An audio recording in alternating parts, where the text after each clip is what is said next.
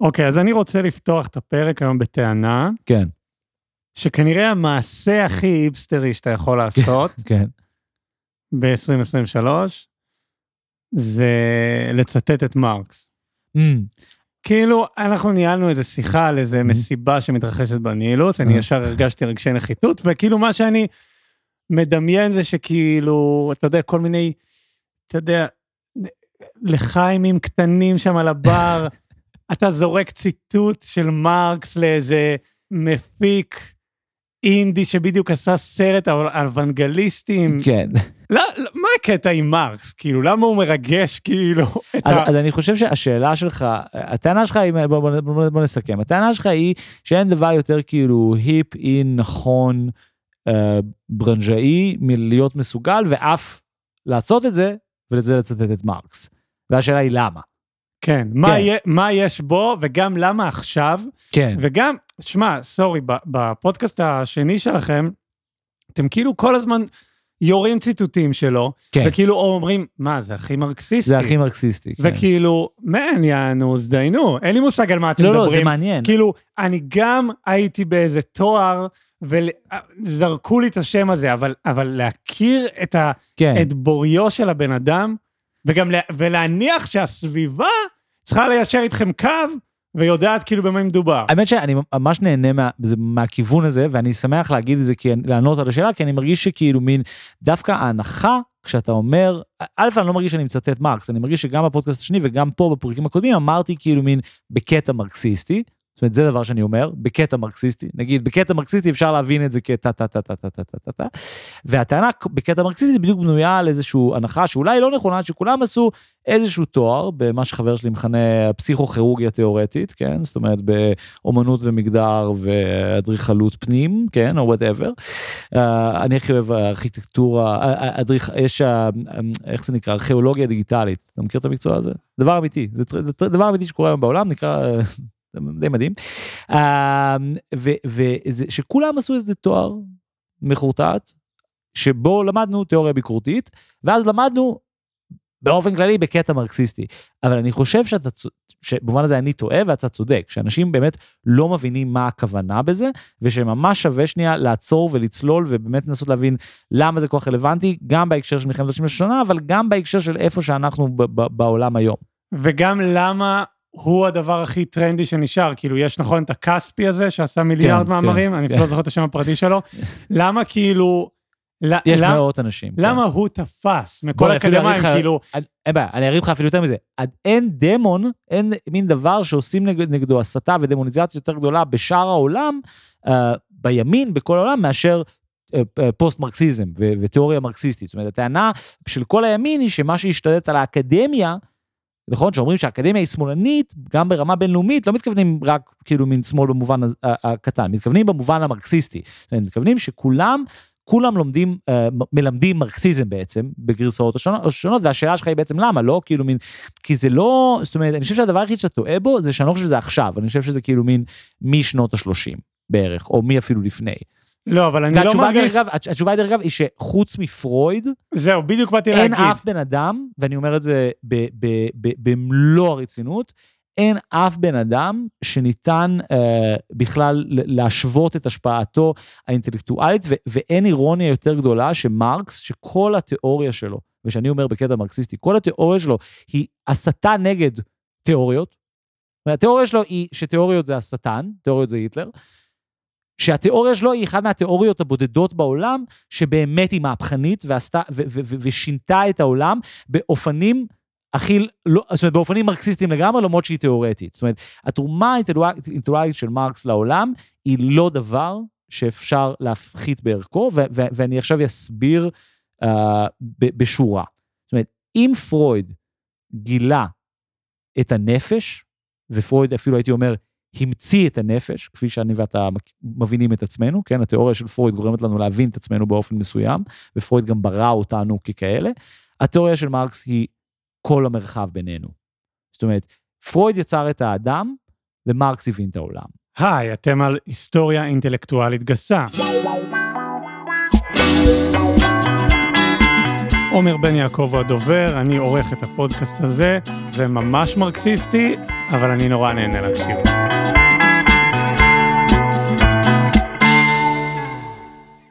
אני כן. מרגיש ש, שלא נתת לסיים את הנקודה מקודם, כי. אני רוצה להצביע על זה שכאילו, סבבה, פרויד כאילו מין אומרים לך, כאילו, פרויד זה כאילו כמו דילן, כאילו, אוקיי, זה, זה כאילו, יש את הבן אדם הזה, הוא הכי כן. טוב, אין בעיה, תצטטו אותו, תעשו הכל. מרק זה כאילו קטע של יודעי דבר, כאילו זה, Mm, זה, אוקיי, לה, אוקיי, זה אוקיי. להקה שכאילו מין, מין אתה, אתה, אתה, וזה מרגיש הייפ, זה כאילו מין מרגיש כזה, זה- זה החבר'ה שלך השפה, שבאו כן. לך באלבום הראשון של Tame Impala ואמרו זה טוב, ואז בשלישי אמרו חבורה של אפסים.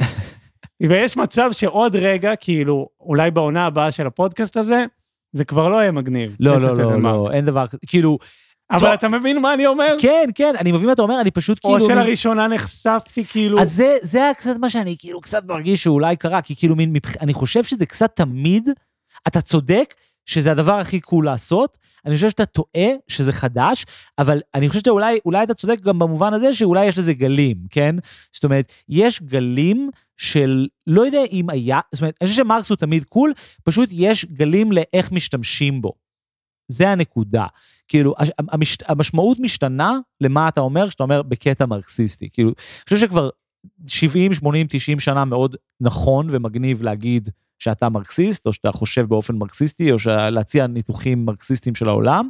השאלה היא רק למה אתה מתכוון, כי כמו עם פרויד, מרקס בעצם יוצר אה, מסגרת מחשבתית חדשה שהיא כל כך חכמה וכל כך משמעותית, שאפשר לעשות איתה הכל. זאת אומרת, זה באמת כמו דת, כאילו, זה באמת, זה הדת, זה הדת, זה הדת האינטלקטואלית, כן? במובן הזה אתה צודק. זאת אומרת, המרקסיזם הוא, הוא דת במובן הרחב, שזה מסגרת תיאורטית, פילוסופית, דתית, תרבותית, אפשר לעשות איתה כמו עם פרויד, אפשר לנתח איתה סרטים, אפשר להבין איתה מבנה מקום עבודה, אפשר לעשות איתה קולנוע, גם בצורה אקטיבית, אפשר, כאילו אפשר לעשות עם זה הכל, אפשר לעשות מחול מרקסיסטי, באמת.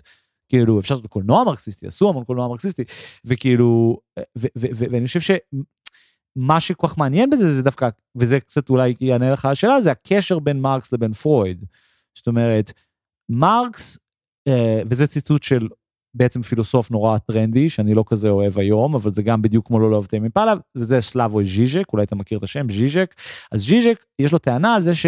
זאת אומרת, הוא בעצם, הגדולה של ז'יז'ק זה היכולת שלו לחבר בין פרויד לבין מרקס בצורה מאוד אלגנטית. אמ, והטענה שלו היא שמרקס המציא את הסימפטום. עכשיו, המציא את הסימפטום, זו מחשבה נורא יפה, כשהכוונה בסימפטום היא בהקשר הפרוידיאני. עכשיו, בהקשר של פרויד, הסימפטום זה דבר מאוד פשוט, זה תופעה שלא, שמופיעה כמנותקת מהמקור שלה. אתה שונא את אימא שלך, ולכן אתה יוצא רק עם בנות שלא נראות כמו אימא שלך. אז אה, לא יוצא עם בנות שלא נראות כמו אימא שלך, הוא סימפטום. אתה מבין? זאת אומרת, זה סימפטום, אתה, זה, לא, זה לא מופיע בעיניך כמקושר לזה שאתה שונא את אימא שלך, כן? אתה שוטף ידיים המון, כי אתה בעצם רוצה לאונן כל הזמן, ואמרו לך שאתה לא יכול לאונן כל הזמן, אז אתה, אתה מתבייש, ובושה זה לכלוך, ואז אתה שוטף ידיים, וזה המרה. כן, אז, אז כל התפיסה הפרוידיאנית של סימפטומים, וזה שהפסיכולוגיה שלנו היא סימפטומטית ל, ל, ל, למצב שלנו, ושכל דבר הוא בעצם מסמל משהו, היא, לטענת ז'יז'ק, המצאה של מרקס. והכוונה של ז'יז'ק היא שמרקס גילה שדברים לא קורים מהסיבה שאתה חושב שהם קורים. ואולי יש להם סיבה אחרת. בכלל, אולי לחברה יש מודחק. וזה, יותר מהכל, התרומה של מרקס, שהוא גילה מהו המודחק החברתי. והמודחק הוא החומר והכסף, בשונה מהרעיונות. אנחנו כל הזמן מספרים לנו היסטוריה שהיא שקר, כי מה שמוביל אותה, לכאורה, זה מחשבה אנושית, ופעולה אנושית, ואמונה אנושית. ומרקס אומר, לא אחי, it's the fucking money. it's the money. אבל אף אחד לא רוצה שאתה תדע את זה, אף אחד לא רוצה לדבר על זה, שזה קשור לכו, לכוחות הייצור, כן? אז עושים היסטוריות שהן אחרות, כן? זה בדיוק האתגר שלי בהקשר של הפוד הזה, של איך עושים היסטוריה אינטלקטואלית גסה, שהיא משמעותית. זאת אומרת, איך עושים היסטוריה אינטלקטואלית שהיא, זה גם המשמעות שלי בגסה, שהיא גסה במובן ה-visceral, היא גסה במובן הזה שהחיים הם גסים. ומלוכלכים ומטונפים, כן? החיים הם לא טהורים, הם לא, הם לא, הם לא, תיאור, הם לא תיאוריה מושלמת, הם, הם ממשות מלוכלכת ומאוד קשה של, של כוחות שרבים אחד עם השני, וזה, זה, זה המחשבה המרקסיסטית, יותר מהכל.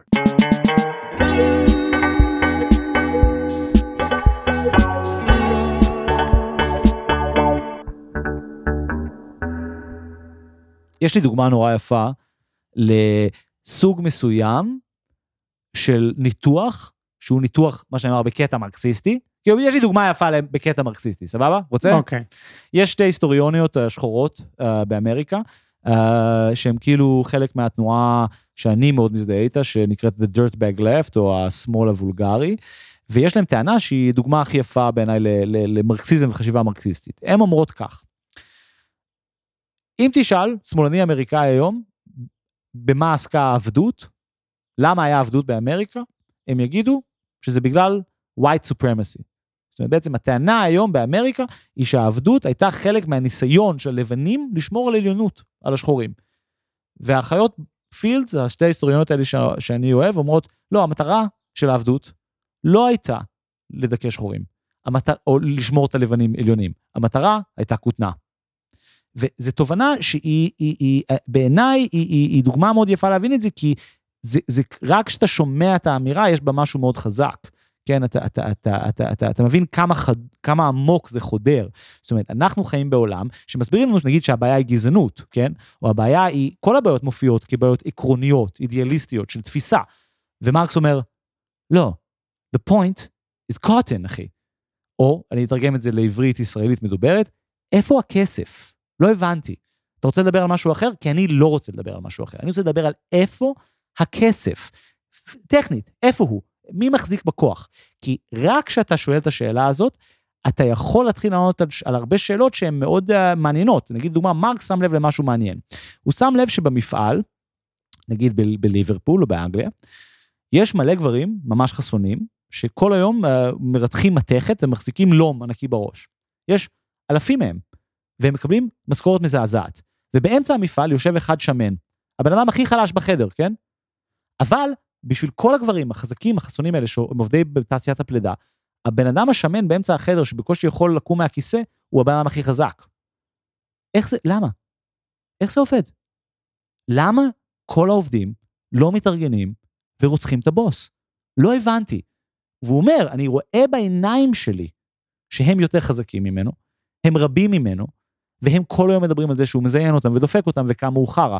And yet, אף אחד מהם לא מצליח לראות את המציאות הזאת שהרגע מרקס ואני ואתה רואים בעיניים שלנו, שהיא זה שהם הרבה יותר חזקים ממנו, פשוט ברמה אובייקטיבית, הם הרבה יותר חזקים ממנו, הם יכולים לדפוק את הראש שלו עם הלום שאותו הם מייצרים, כשהוא שמן, שלא יודע לעשות כלום. ומתוך, זאת אומרת, עכשיו נשים את זה ממש באופן גס, אבל מרקס אומר, וההיסטוריה היא ההסבר לשאלה הזאת. זאת אומרת, להבין את כל, אם, בשביל, בשביל, זאת אומרת, להיות מסוגל לענות על, על למה החדר של 1,500 גברים לא עולים ורוצחים את זה שמזיין אותם ודופק אותם, זה התשובה לזה, היא ההיסטוריה.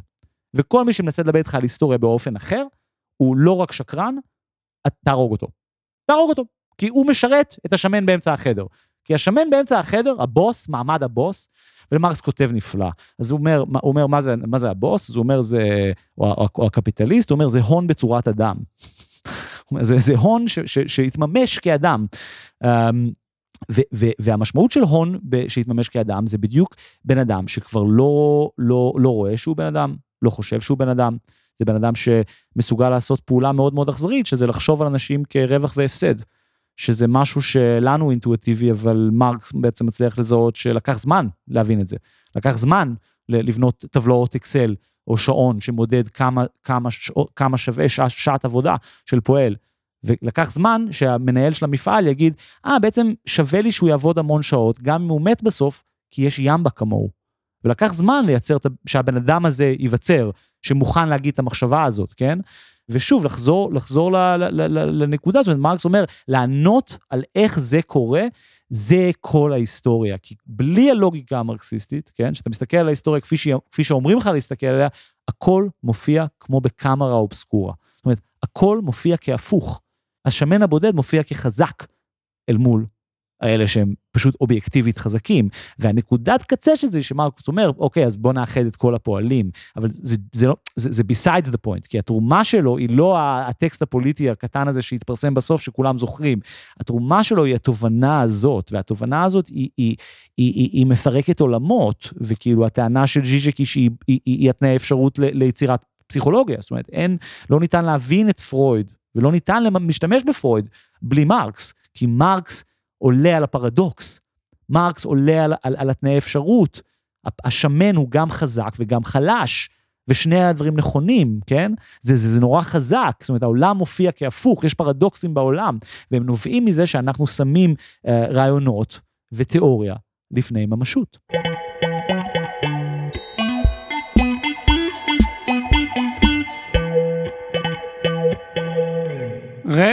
רגע לפני שאני אכנס למה שנקרא בשפה המקצועית, קומודיקציה של הסלף, אחי. יס! או! אני תכננתי לסיים בקומודיפיקציה של הסלף, אבל אני, אתה שלפת, וואו. אני אגיד לך ככה, מה שנראה לי שעכשיו יהיה מקדים לעשות, כן. זה כאילו כמו בכל פודקאסט היסטוריוני, להכניס כזה מוזיקת כינורות, כזה של פעם כזה, כן, כן. זה, ומין כזה...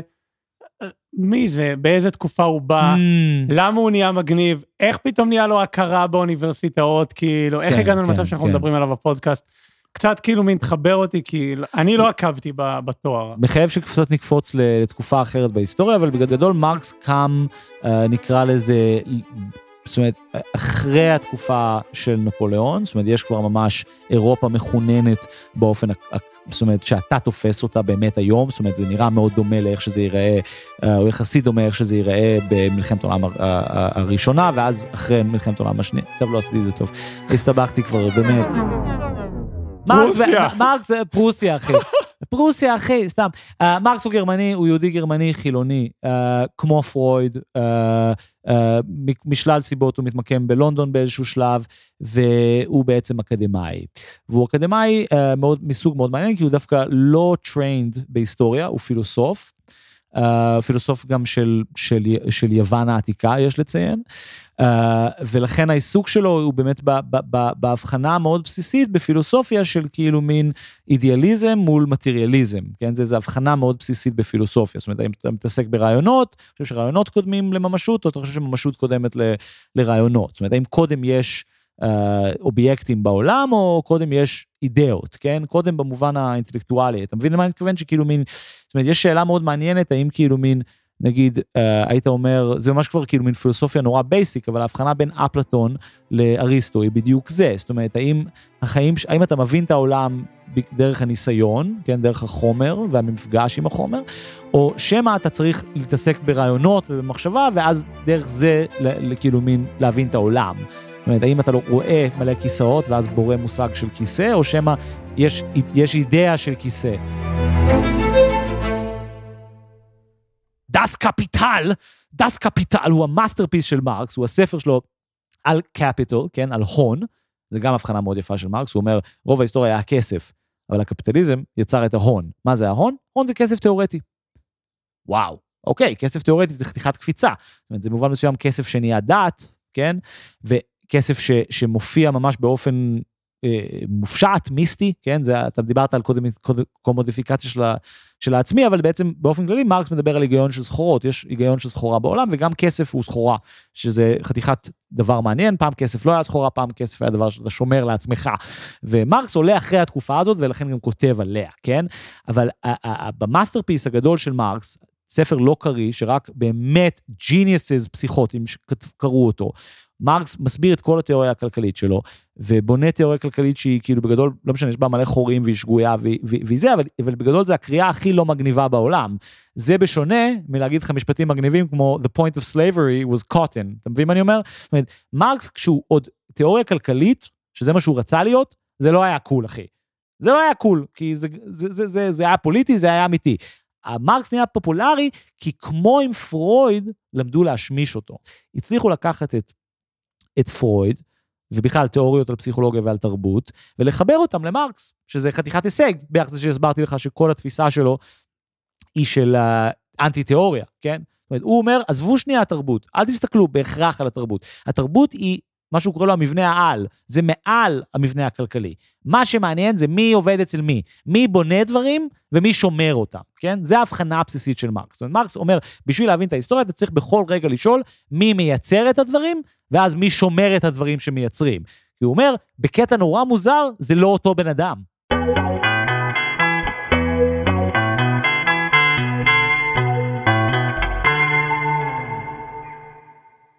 מה זה עבודת אלילים? זה שכל הכפר הולך, מוריד עץ ביער, אחי. לא היה, לא את הדוגמה הזאת בפרק שעבר? לא, אולי היה את זה גם בפרק פעם, אנחנו נחזור לזה שוב, אין בעיה. זה שכל הכפר הולך, מוריד עץ, ביחד, משקיעים שלושה ימים בלגלף את העץ, לקשט את העץ, להעמיד את העץ, ועכשיו מעמידים פנים שזה אלוהים. והפעולה הזאת, שהיא נשמעת כאילו מין, הגחכתי אותה עכשיו, חשוב להבין שהיא לא מגוחכת. זאת אומרת, ככה נראו, זאת אומרת, בעצם כל הדתות זה ככה, כן? זאת אומרת, בן אדם בונה כנסייה, אולי אפילו בן אדם מת במהלך השיפוצים של הכנסייה הזאת, כן? ואז אנחנו מעמידים פנים שזה the house of God, כן?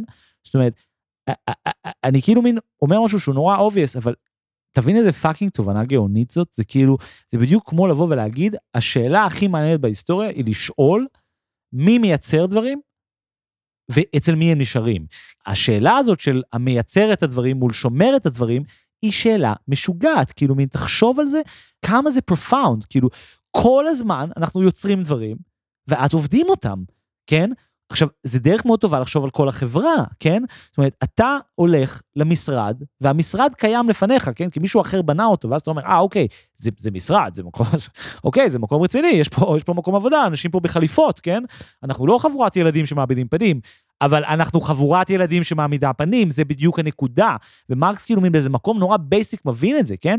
ונגיד, אני אקח דוגמה, ראית את דייב שאפל, מה זה, ראית הרבה סטנדאפ של דייב שאפל? לא. לא משנה. אז דייב שאפל יש לו דוגמה שעשתה המון רעש, שהוא מדבר על, ה, על ה pimp, על ה pimp והזונה. זאת אומרת, והוא, והוא מעלה את זה גם כאיזה מין סוגיה פילוסופית. זאת אומרת, איך אפשר להעלות על הדעת אישה שהולכת לשכב עם מישהו בתמורה לכסף, ואז נותנת למישהו אחר את הכסף הזה. אתה מבין? זה הסרסור. עכשיו, הקפיטליזם לא יודע להסביר את זה. אתה והפסיכולוגיה לא יודעים להסביר את זה, נכון? זאת אומרת, אין לזה שום הסבר הגיוני. וההסבר הוא בדיוק הלוגיקה הקפיטליסטית הזאת. זאת אומרת, זה בדיוק מרקס יודע לבוא ולהגיד, זה בדיוק אותו דבר. כמו שכולכם מייצרים מכוניות, אבל אתם לא הבעלים של, פור, של פורד, נכון? זאת אומרת, פורד, הזקן השמן, יושב בראש המגדל שלו, ואתם בונים את המכוניות, אבל הוא מתעשר, כן? אתם לוקחים הביתה תלוש משכורת, כן? אז התובנה הזאת, הלוגיקה הזאת של מרקס, שאפשר להסביר איתה עבודת אלילים, קפיטליזם, ואת החוויית תסכול שלך ביום הראשון, בעבודה הראשונה שהייתה לך בחיים, היא דבר די מדהים בעיניי. זאת אומרת, יש בה משהו מאוד עמוק וכאילו מין... באמת מרגש, או שזה לא, לא עבד בשבילך דוגמת הפסל? לא, זה ממש עבד. אני רק רוצה לשאול אם הוא אמר, כאילו, אוקיי, יש את זה, תמודדו עם זה, mm-hmm. או כאילו, תעשו משהו. כאילו תרצחו אותם, תצרכו את השמן. זה מה שמדהים במרקס, זה שבטקסט הפילוסופי הזה שאני קורא, שהוא מהטקסטים הראשונים שלו, ש, שנקרא תזות על פוירבך, לא משנה, זה טקסט מאוד פילוסופי, מאוד מוקדם של מרקס, uh, יש uh, קשר עמוק בינו לבין הטקסט האחרון, או בין האחרונים והכי מפורסמים של מרקס, שהיא Uh, המניפסט הקומוניסטי. עכשיו, המניפסט הקומוניסטי הוא באמת טקסט די משעמם, uh, הוא מציג בקווים מאוד כלליים את הניתוח של מרקס של ההיסטוריה, ואז אומר, פועלי כל העולם יתאחדו, and let's go kill the fucking boss, כן? זאת אומרת, אז מרקס בפירוש מטיף, מטיף לזה. ב, ב, ב, בתזות על פוירבך, בשלב הפילוסופי המוקדם שלו, השורה האחרונה של אותו טקסט, או אחת מהשורות האחרונות, זה עד כה כל הפילוסופיה ניסתה להבין את העולם. המטרה היא לשנות אותו.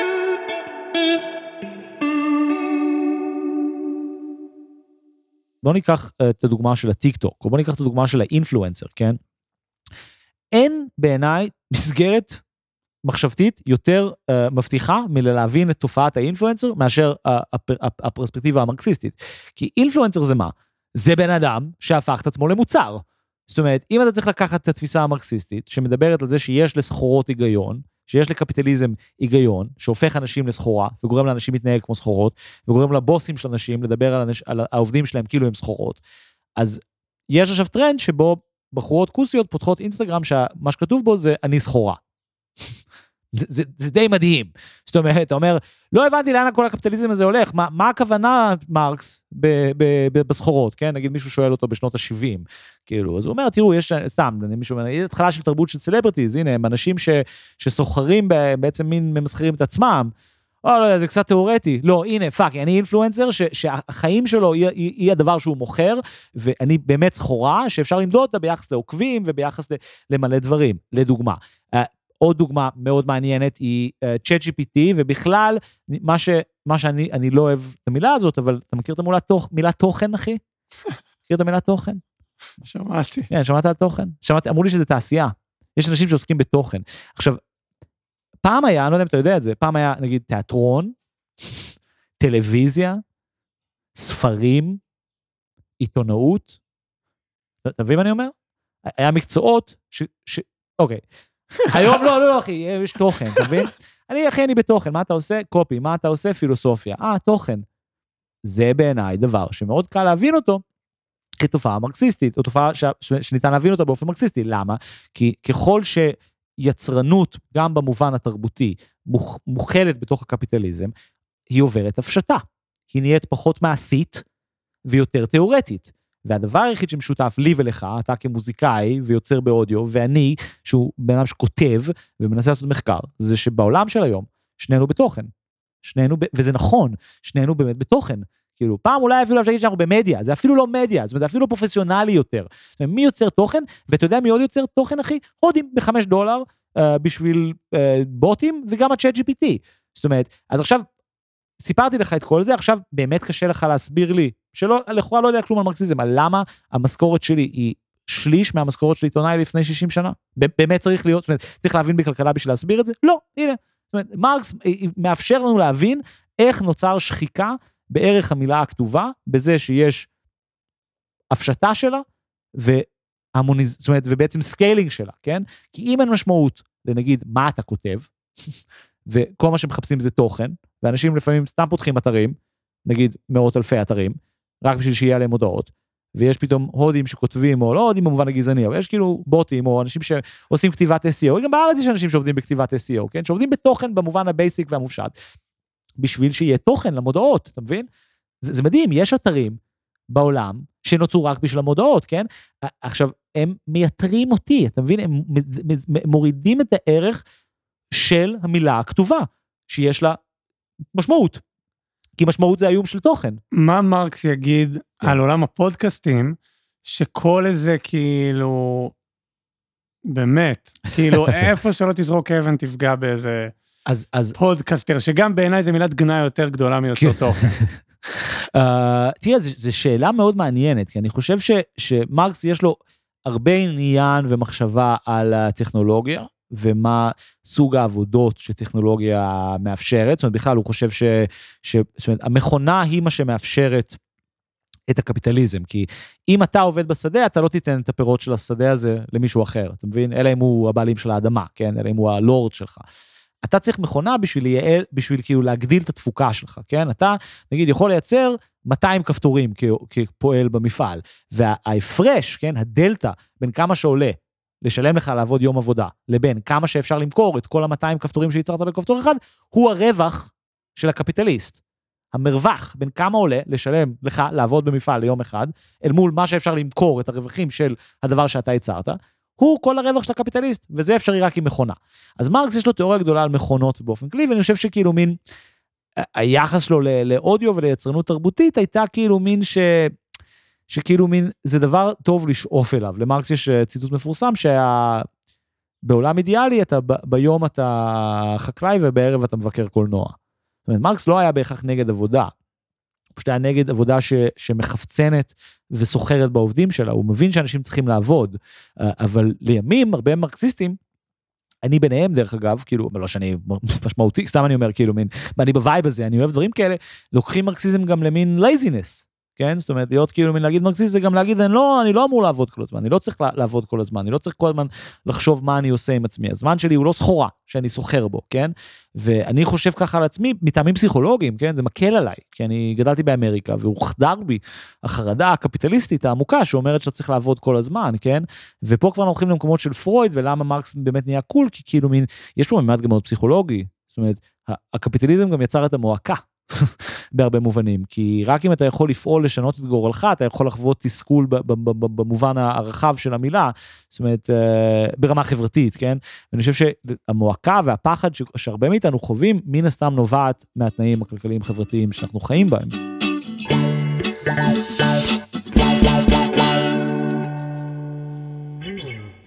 כמו בתחילת הפרק, אני רוצה לסיים את הפרק הזה עם טענה, mm-hmm. כי הבנתי כמה דברים.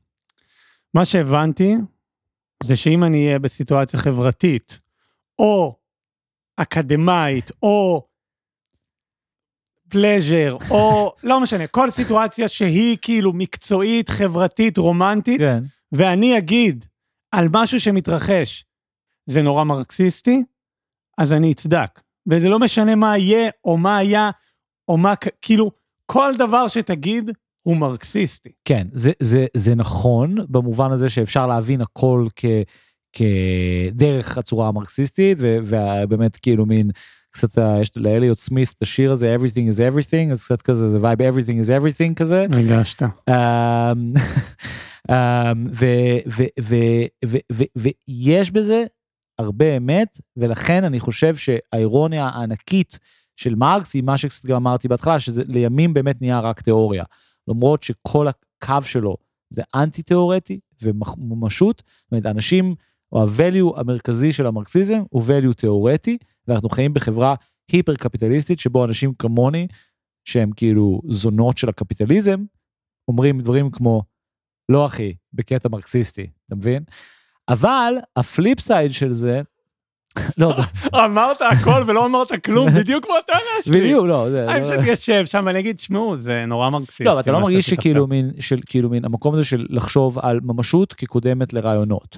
כאילו נגיד, סתם, אתה יושב עם בחורה, ואתם בשיחה על הקשר שלנו לאן, ואז היא אומרת לך, לא, זה לא קשר, זה לא הגדרה של קשר. המשמעות של קשר היא שאחרי חצי שנה עושים כך וכך, או אם אתה לא אוהב, אז אתה אומר לה, לא, זה לא נכון, המשמעות של קשר זה מה שאני ואת מגדירים.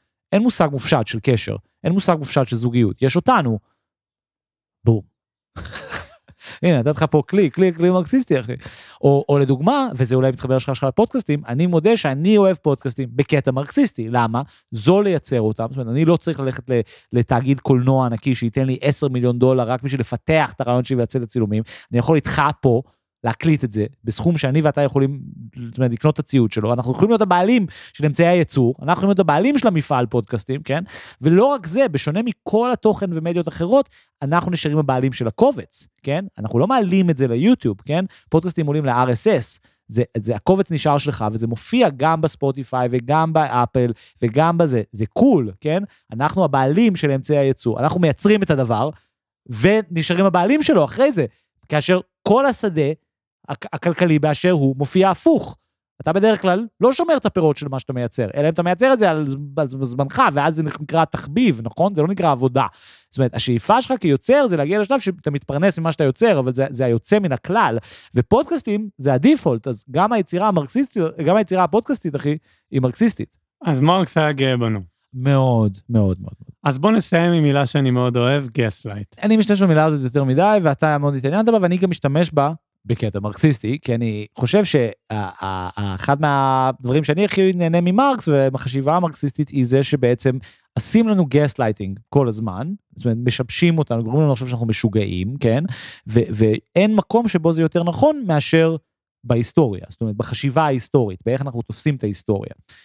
ואני אני, אני אספר לך אה, דוגמה, אה, או ניתן לך את הדוגמה המרקסיסטית הקלאסית, והיא סיפור הבריאה של הקפיטליזם. זאת אומרת, אני עשית, אנחנו עושים את הפודקאסט הזה, אני באובססיה על, ה, על מלחמת 30 השנה, כי היא התחלת הקפיטליזם. אבל לפני שסיפרתי לך על מלחמת 30 השנה, מה היה הסיפור על התחלת הקפיטליזם שאתה הכרת? לא היה כזה. נכון, יש מין סיפור בריאה מופשט, שהוא נשמע כמו סיפור הבריאה הדתי. זאת אומרת, היה שלב, נכון, בדרך כלל ההורים שלך אומרים לך את זה, אומרים, פעם היה שלב שבו אנשים החליפו דברים, נכון, היה בארטרים, ואז אה, אה, זה נהיה מסובך. אז המצאנו כסף. ואז המצאנו כסף, ואז אנשים התחילו לסחור בדברים באופן מסודר, ומאז ההיסטוריה מין מתפתחת עד שיש גוגל, ואתה לא יכול לקנות בית. זהו. זה ההיסטוריה של הקפיטליזם. מעניין. סיפור מעניין. complete fucking bullshit. זאת אומרת, זה בדיוק העניין. זאת אומרת, אנחנו חיים בעולם שבו הכסף והקפיטליזם מופיעים כתופעה א-היסטורית. תופעה שפשוט, אמא שלך אומרת לך, פעם היה זה, ואז, אתה יודע, כאילו מין, היה צריך להתאפס על זה, והמציאו מטבע, ואז רבע שעה אחרי זה המציאו המשכנתה עם ריבית נמוכה. לא, לא, לא, זה לא, זה לא, זה לא עבד ככה, כאילו, היה המון שלבי ביניים. לדוגמה, מרקס כותב על כל השלב שבו אנשים חשבו שבאמת יש ערך בזהב. ואנשים אגרו זהב, כי הם חשבו שזהב שווה הרבה כסף. הם לא הבינו שזהב שווה אם אתה יכול להחליף אותו בדברים, כן? כי לא היה מושג מופשט של כלכלה. לא היה הרבה זהב, ולכן זהב היה שווה הרבה כסף, אז הם אגרו זהב, אבל הם גילו שאין כל כך מה לעשות איתו. כאילו, זה די מדהים אם אתה חושב על זה, כאילו לפני שיש בנקים, אין לך מה לעשות עם כסף. זאת אומרת, אתה לא יכול להשקיע אותו, כי אין מושג של ריבית, אז למה שתשקיע דברים? כאילו, אתה פשוט מחזיק את הכסף כל הזמן. אפילו, כאילו, ולמה זה גסלייטינג? למה זה gaslight? זה גסלייטינג כי זה החטא הקדמון. זאת אומרת, אנחנו מספרים לעצמנו שהמצב שאנחנו חיים בו והכלכלה היא איזה תופעה הגיונית שממשיכה איזשהו היגיון שתמיד היה איתנו. ומרקס אומר, לא אחי, זה אלימות וניצול של לך על ידי אנשים שמחזיקים באמצעי הייצור, כן? אנשים שמחזיקים בכוח ויכולים באמת to own the shit שאתה כאילו making. והם משקרים לך. הם משקרים לך כל הזמן. לדוגמה, הם שכנעו אותך, דבר שאתה בלב שלך מאמין, למרות שאתה לא תודה עכשיו לפי דעתי, שאם אתה תעבוד ממש קשה, אתה תהיה ממש עשיר.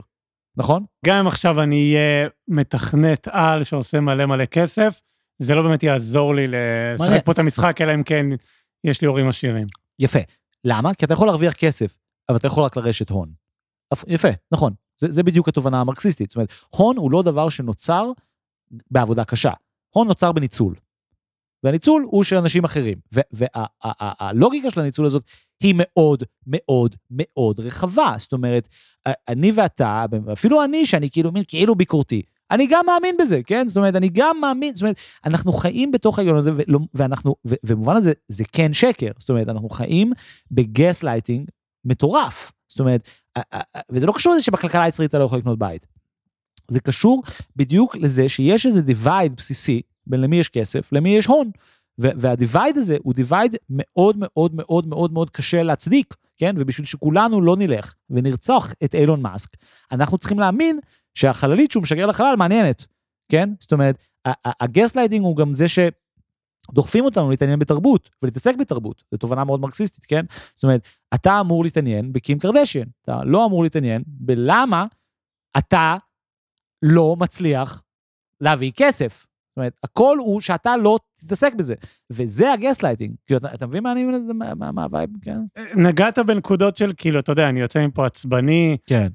אני, כאילו, אין לי, אין לי גם כל כך בוס לשים לו לום בראש, כן. כאילו, זה מין מופשט, לא מופשט, הנילוס, לא הנילוס. לא יודע מה הבנתי, אם הבנתי, כאילו, קצת קצת מבולבל. תראה, אני חושב שאני רוצה לשאול אותך שאלה, וזו שאלה מרקסיסטית. אתה רוצה למכור את הפודקאסט הזה? או שאתה רוצה לעשות אותו איתי בקטע מרקסיסטי, של כאילו לשלוט באמצעי הייצור בעצמנו? כי זה, אני חושב שזה הדילמה קצת. עד כאן היסטוריה אינטלקטואלית גסה. תודה רבה לעומר בן יעקב, ללהקת בסיסטיות על המוזיקה המקורית. לי קוראים דור קומט, בקטע מרקסיסטי אבל כן.